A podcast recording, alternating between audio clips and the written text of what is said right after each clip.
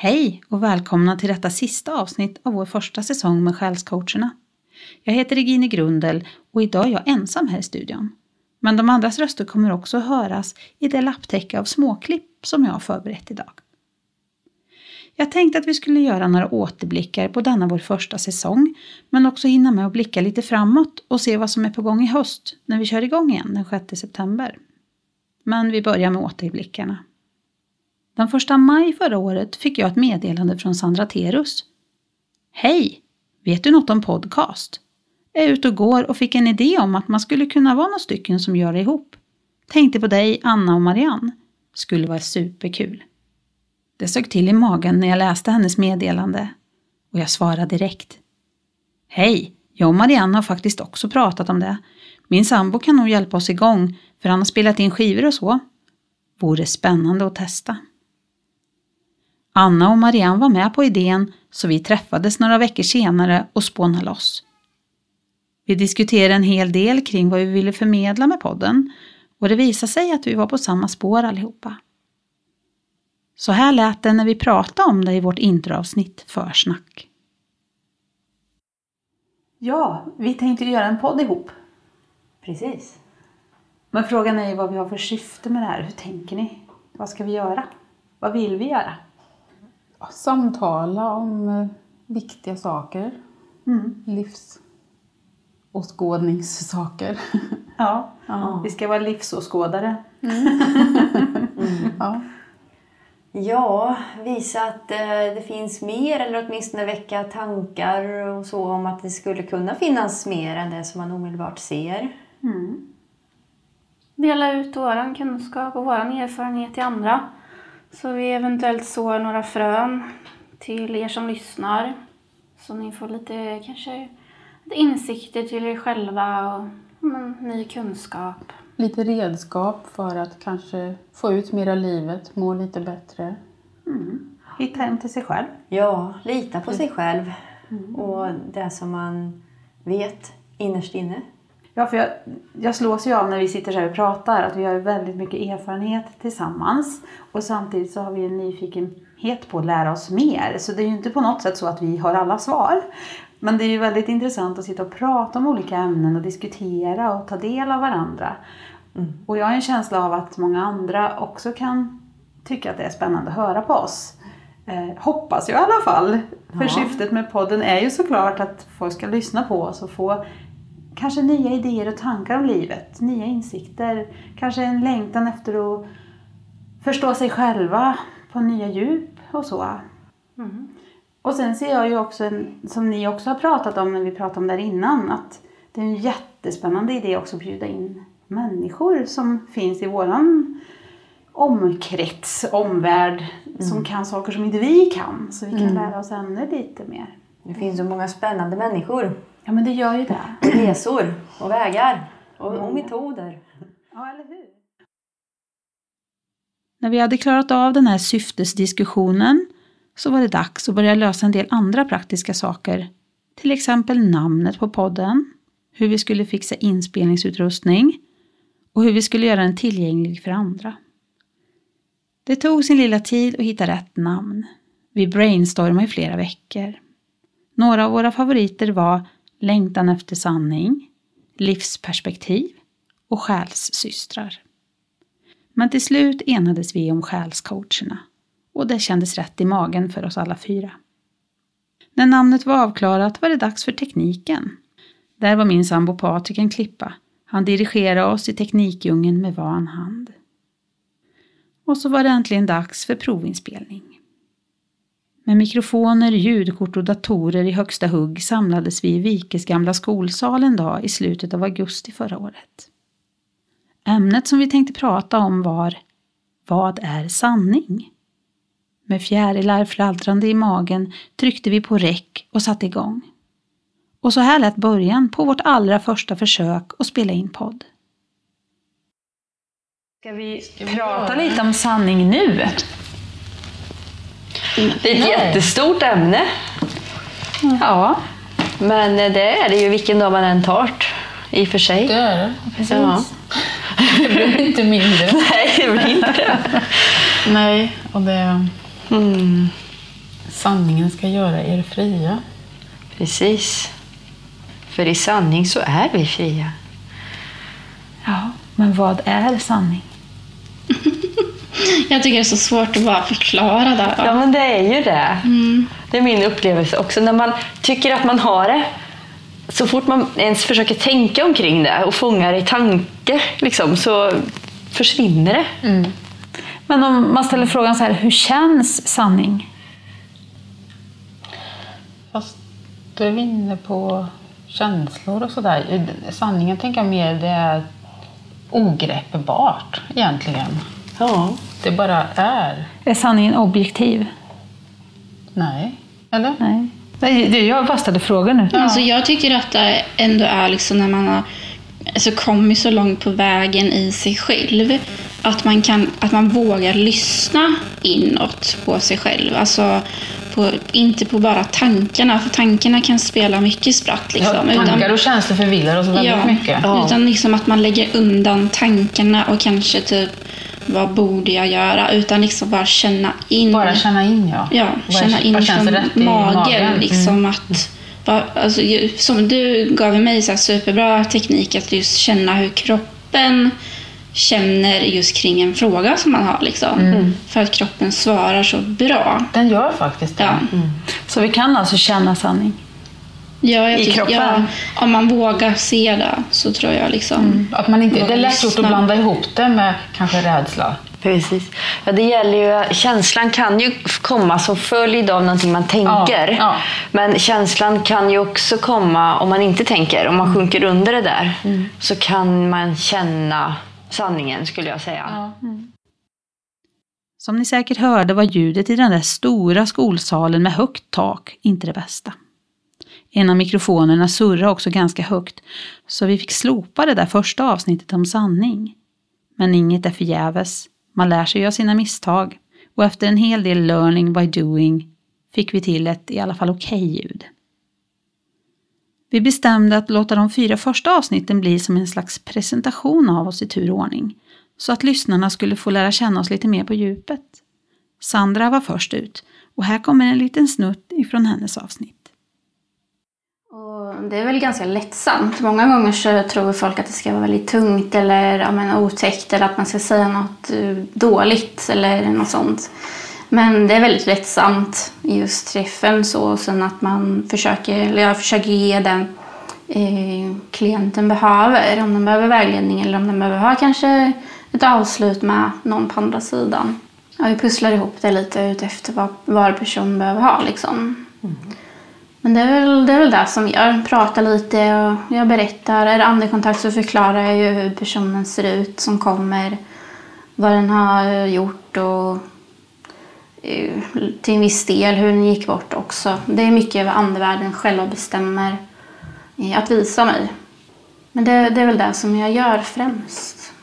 Och så. så att det, är lite, det finns olika, men mest så känner jag väl att folk kommer och får en bekräftelse på att ens nära anhörig mår bra.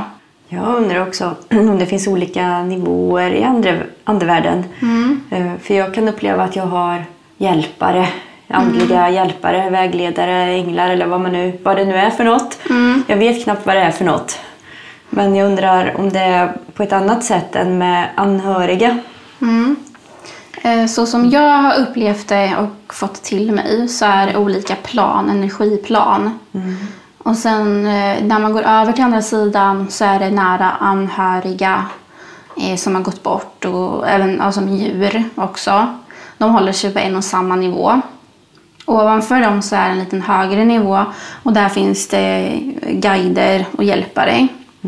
Eh, vissa anhöriga kan upp, alltså uppfattas som en guide också på grund av att den kan hjälpa så mycket.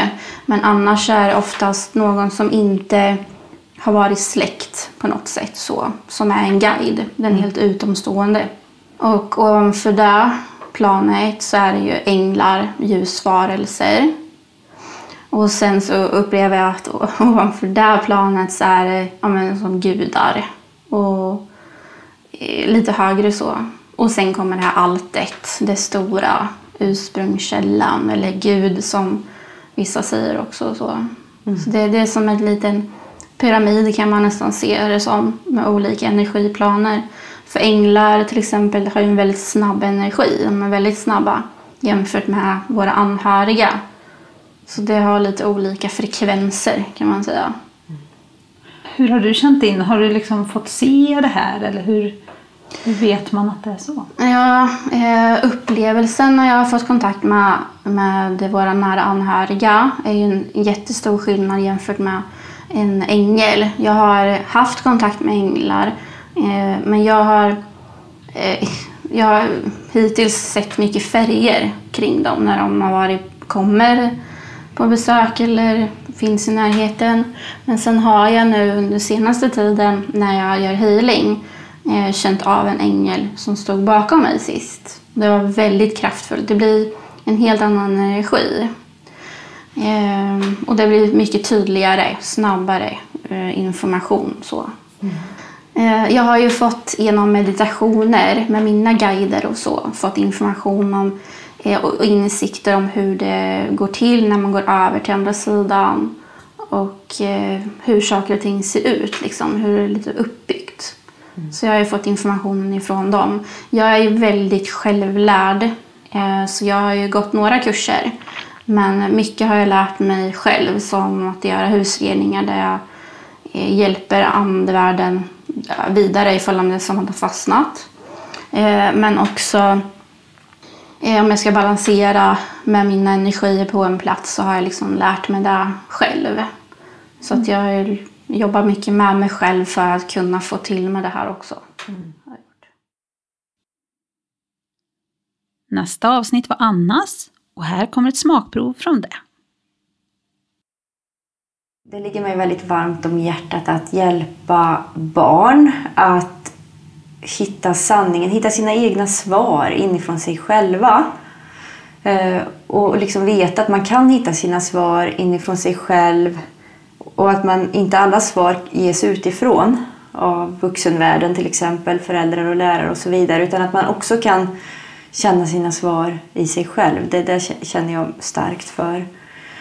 Um, ja, så att jag, jag jobbar med det på olika sätt. Dels genom, dels genom att stärka föräldrar, att hitta det i sig själva. För att jag tror att om föräldrarna kan veta att man har svaren där i sig själv så blir det lättare för dem att hjälpa sina barn att hitta det i sig också. Istället för att alltid ge barnen svaren och tala om vad som är rätt och fel och hej och hå så kan man ha ett annat perspektiv och lita på att barnen också har sina svar i sig. Så att man kan stötta det och locka fram det och ibland hänvisa barnet till sig själv och uppmuntra till att man kan vad, vad känns rätt för dig om du känner inåt och så. Hellre än att bara tala om vad som minsann är rätt. Mm, barnen är ju rena och öppna. Som, eh, ja, för att ta ett Jesusord. Jesus sa ju så här att om ni inte omvänder er och blir som ett barn så kommer ni aldrig in i himmelriket. Ja, precis. Och jag har ju själv då tidiga, tidiga, jättetidiga upplevelser av att ha en helt öppen kanal. När jag var så liten så jag inte hade någon kommunikation med människor omkring mig. För det, det, var inte etablerat, man hade inte språk och så vidare. Man var helt ny i världen. Och så undrar man lite, vad är det jag ser? Vad är det jag upplever? Varför gör de så där? Så upplever jag att samtidigt som frågor uppstod i mig så gavs jag svar. Hela tiden, omedelbart sådär, om allt möjligt stort och smått. Och det var delvis stora frågor jag hade också. Ehm, det vet jag. Och att det gavs mig svar och att ja, det var... Jag minns det där som, som så speciellt och så viktigt och så stort så att det är som att jag sen har strävat efter att få tillbaks det där. Men, men efterhand som jag börjar relatera mer till människor och kommunicera med människor och ta till mig av deras språk och så vidare så tappar jag det där fulla fokuset på det där på insidan. Och då börjar jag liksom gå vilse mer i vad andra känner och hur andra ser på världen. Att jag börjar ta till mig av det mer och mer. Så sen har det varit en lång och arbetsam resa under ett helt, helt liv. Jag är ju inte klar med livet än, men i alla fall 40 dryga år. Att liksom sträva tillbaks till det där, att hitta de där svaren som bara känns så där helt rätt och sant och varmt. Från urkällan som du Ja, pratar precis. om. Mm. Och jag är ju inte där, men jag känner att jag närmar mig och att jag får svar ibland. Eh, så, men det är ju inte det där ena som det var i början av livet. Men eftersom jag själv har den här erfarenheten så känner jag, och eftersom jag har tre barn själv, så känner jag ju att det, det känns viktigt att göra vad jag kan för att hjälpa barnen att, att inte tappa bort det så mycket som jag gjorde. Att inte bli förstörda av Ja, vuxenvärldens och jag tror att det är svårt att... programmering. Inte, ja, det, det är svårt att helt behålla det tror jag. För man behöver ju också relatera i den här världen. Man, man är ju i den här världen och man behöver förhålla sig till det också. Ja, fungera. Ja, exakt. Så, men, men ändå att man kan ha mer kvar av det där. Att man kan få bekräftat också utifrån att det finns något där inne också som är viktigt. Och att eh, man kan lita på att det, Ja, det är sant, det du känner. precis. Ja, det känns, det känns viktigt. Så att det jobbar jag för. Och så Marianne. KBT handlar ju om att eh, identifiera sina tankar. Eh, För det är ju mycket tankarna som styr hur vi känner. Och det är ju egentligen inte det som händer runt omkring oss som får oss att känna saker. Utan det är våra tankar om det som händer runt omkring oss som skapar våra känslor. Så KBT är väl ett förhållningssätt hur vi förhåller oss till det som händer runt omkring oss. För det är det som styr hur vi mår. Och hur kan man förändra förhållningssättet? Hur ser tekniken ut för att ändra tankemönster? Man utgår från specifika situationer och liksom analyserar vilka är mina automatiska tankar i just den här situationen. Och när man har identifierat dem så börjar man att tänka, finns det andra saker jag skulle kunna tänka istället? Och då är det väldigt effektivt faktiskt. Det liksom blir, ja just det, man kan ju tänka så här istället. Alltså vi människor, vi, vi kör ju mönster. Hela hjärnan är ju full med massa tankemönster, känslomönster, beteendemönster som vi har lärt in under hela vårt liv sedan vi föddes. Liksom. Så det, det är ganska svårt att bryta mönster. Eh, och det är ett arbete, ett aktivt arbete man får lägga ner. Men eh, det går ganska liksom, snabbt att sätta igång med det där och sen när det väl, när man väl har börjat och så, så går det mer och mer av sig själv. Men man får träna aktivt. Så det är inget som man kommer till dig och så har man en timme med dig och sen är alla problem ur världen? Nej, Det är Man får ju- sällan så, det är lite Ja. synd. Men, man får jobba på det. Mm. ja. Vad för slags problem får man, är KBT effektivt för? Eh, oftast eh, depression mm, faktiskt. För om man är mycket i det förflutna och ältar mycket jobbiga saker som har hänt och, och liksom fastnar i, i dåtiden, då blir man deprimerad. Så KBT är framåtsyftande, kan man säga det? Ja, det är inte så att man struntar i att prata om det som har hänt. Utan man kan behöva liksom ta upp det och prata om det.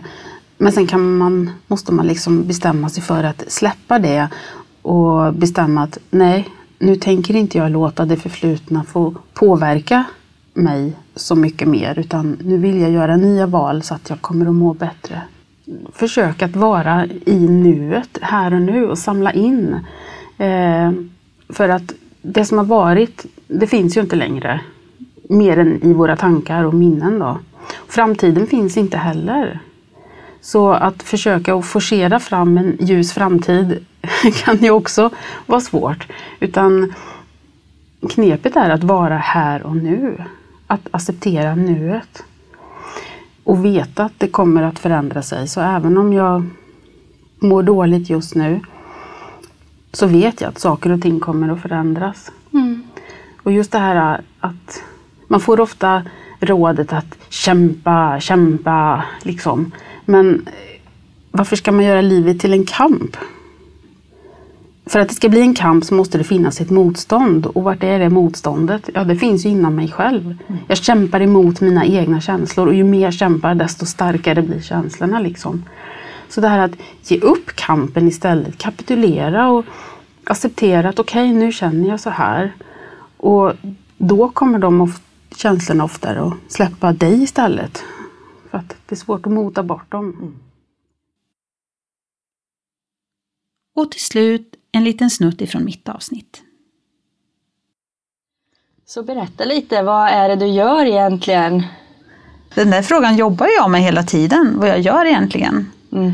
För att det utvecklas ju hela tiden. Fast jag har ju samma syfte ändå med allt jag gör. Och det är att jag vill hjälpa människor att hitta hem till sig själva.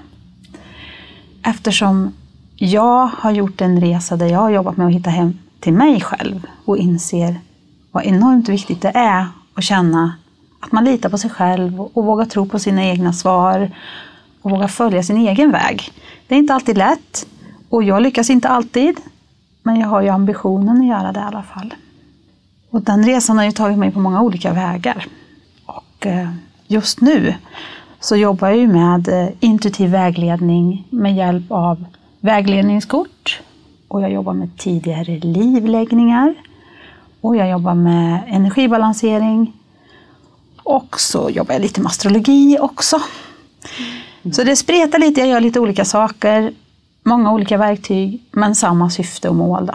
Att man ska hitta hem till sig själv, lita på sina egna svar och våga i alla fall börja resan på att gå sin egen väg. Mm. Hur har du kommit in på det här?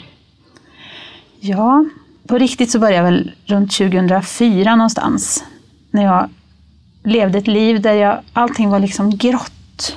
Det var tråkigt. Alltså, dagarna bara rullade på. Jag bara existerade. Ekorrhjulet. Ja, det berömda. Mm. Ja, precis. Jag hade liksom inget liv i livet om man säger. Utan det var bara måsten och krav och borden och mm. andras behov och sådär. Och jag var helt utlakad. Så jag hade ingen energi.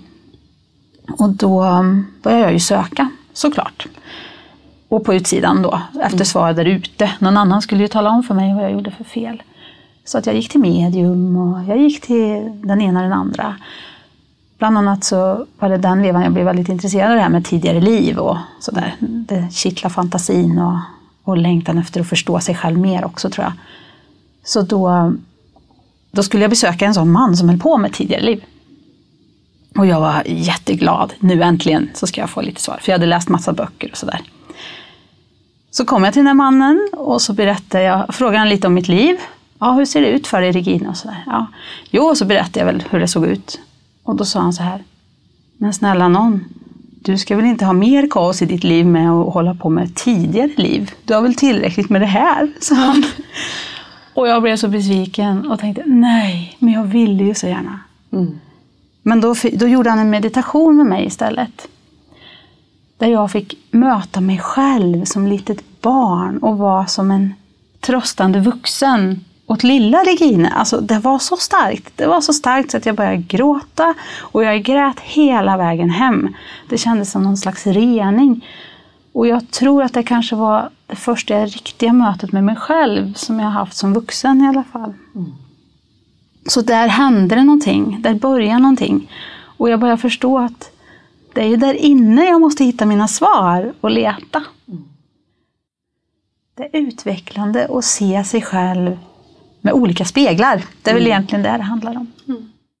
Ja, det verkar vara det som är temat här genom kort och uh, tidigare liv och uh, astrologi. Man ser sig själv. Jag tror att vi måste börja där. Ja. Vi måste börja se oss själva, våga se oss själva med sanna ögon. Och förstå oss själva med sanna ögon, eller sanna känslor, eller förstå oss själva inifrån. För Varför är det viktigt? Därför att annars har vi ju ingen bas att stå på när vi ska leva sant och fullt. Då, då, då svajar det ju hela tiden mm. när vi ska vara oss själva. Om vi inte har någon bas att stå på. Det är, ju, det är inte lätt att veta vem man är. Och man kanske inte måste veta det fullt ut. Men man måste känna vem man är. Mm. Alltså känna i sin magkänsla när man är hemma. Mm. Man behöver inte kunna sätta ord på det eller beskriva sig eller sätta sig i något fack. Men sen också fullt ut acceptera den man faktiskt är. Ja, Det är inte så enkelt. nej, det är lätt att döma sig själv. Mm. Och då, vi pratade i ditt avsnitt Marianne Mm. om den här inre dialogen. Mm. Att man kan ha väldigt mycket omdömen om sig själv i sina tankar. Och frågan är, bygger de upp dig eller sänker de dig? Mm. Och vad kan du göra åt det om det är så att du sänker dig hela tiden? Mm. Efter de där första avsnitten började vi rikta oss mer mot specifika ämnen. Testade hypnos, andekontakt, själscoachning och kortläggning i studion. Vi har pratat om healing, relationer, djurkommunikation, kreativitet och mycket mer. Jag är faktiskt väldigt stolt över hur vi har hunnit göra hela 20 avsnitt plus ett bonusavsnitt. Och det är ju Annas andningsövning som är avsnitt 7b. Testa gärna den, för det är en bra eh, övning om man vill hitta hem till sig själv, centrera sig och känna sig lugn och tillfreds på insidan. Men om jag måste välja ut något ur alla dessa avsnitt som etsat sig fast lite extra så måste jag nog välja en snutt ur avsnitt 15, att bli vän med döden. Där Marians härliga inställning fick oss att tänka till ordentligt. Jag tycker det är jätteviktigt att prata om döden. Det är många som är rädda för döden och det är många som inte ens vågar tänka på döden. Man gömmer det liksom. Mm, ja. Kanske tills det kommer och stirrar en i ansiktet. Mm. Döden har fått så dåligt rykte höll jag på att säga. Det är ett sätt att uttrycka det. eh, och det är klart, när något som är, som är väldigt okänt så är det ju väldigt lätt gjort att man känner osäkerhet och, och rädsla inför det. Att det är någonting som vi inte kan veta 100% vad som händer. Det är Nej. helt okänt och ändå så ska vi alla igenom det. Vi vet ändå 100% att vi alla ska dit en dag. Och så, alltså, jag tänker att lösningen är att bli vän med döden. Mm. Ja. Och hur blir man där då? Att, eh, jag tänker att det är att, att acceptera den. Att den finns där. Ja, för jag tänker att om man lever ett helt liv och är rädd för döden och försöker undvika döden, då tappar man ju själva livet. Mm. Så det är ju bättre att man ja, Ja. lever den tid man faktiskt har fullt ut. Eh, Det känns viktigt. Ja, att på något sätt bli... Det- här kanske inte är applicerbart på alla sådär men själv tycker jag att döden är liksom som en belöning när jag liksom eh, har gjort det här livet, klarat av det här. Men fram till dess så ska jag ju göra allt som står i min makt för att göra det bästa av varje dag, av varje stund. För jag finns ju här av en anledning. Mm. Jag är helt övertygad om att det liksom inte är en slump att jag är här. Nej. Vi är här av ett syfte. Och att göra det bästa av varje dag. Ja. I slutet av säsongen kommer vi igång med intervjuer också. Ett väldigt roligt inslag i podden som vi kommer göra mer av i höst. Vårt första intervjuoffer var René Eriksson som i avsnitt 17 berättade om energimedicin från Anderna. Ett väldigt spännande avsnitt om ni frågar mig. Här kommer ett smakprov. Idag har vi en gäst med oss, René Eriksson, som är schaman. Välkommen! Tack så mycket. Jättefint att vara här. Ja, roligt. Mm. Tänkte att du skulle få berätta lite. Du är ju inte, om vi säger schaman, är väl samlingsnamn mer, tror jag. Mm. Absolut. Och du har inte riktigt det här, alltså nordiska schamanen är du ju inte, utan Mm. du är ju från Peru, Mm. eller hur? Det sydamerikanska. Ja. Mm. Och schaman, det var ju fint att du sa schaman, Mm. men att det också är ett samlingsnamn. Mm. För egentligen så kallar sig indianerna där för Paco. Paco. Jaha. Det är också ett samlingsnamn för präst, helare, medicinman. Schaman för dem är mer en djungelschaman som också kanske använder lite ayahuasca och lite växtmedicin. Som inte de gör, utan de jobbar med bergen och bergens medicin. Och det är det jag gör. Så man kan säga att jag är schaman, men jag säger ofta själv att jag jobbar med energimedicin. Mm. Vad, vad är det man praktiskt gör som schaman? Eller vad, vad är, går det att sammanfatta vad det, vad det är för någonting? Ja, jag har ju mitt medicinknyte här i min famn just nu. Mm. Eh, Det är stenar och kristaller och lite olika små verktyg i olika påsar. Stenar som jag använder till olika syften. Och den här mesan, det är invirat i ett tyg som heter mestana, som är vävt av keroindianerna. Och de har färgat det här tyget med hjälp av växterna i bergen. De kan allting om växtmedicinen och färger och de väver. Det är ett otroligt hantverk. Det tar lång, lång tid att väva sådana här tyg.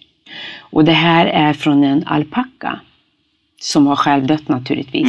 En liten bebis som de använder väldigt mycket i själsarbete när de hämtar tillbaka själsbitar i en healing.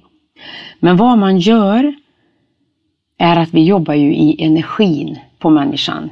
Så när en person kommer till mig så behöver den inte vara där fysiskt. Jag behöver inte den fysiska kroppen utan jag arbetar i energin. Vi har ju den fysiska kroppen som vibrerar på en frekvens. Sen har vi hjärnan som vibrerar lite högre. Vi har själen som är lite högre och vi har spirit, energin. Där jobbar jag. Och där ser jag också när jag reser genom världarna. Jag reser till det förflutna, jag reser till framtiden och jag reser även i den här världen. Så det är ett väldigt djupt arbete som är svårt att förklara eh, på en kort stund. Men vad det handlar om som med all annan healing skulle jag vilja säga är att vi tar bort energi som inte den här personen är kompatibel med. Och vi tillsätter energi som den är kompatibel med.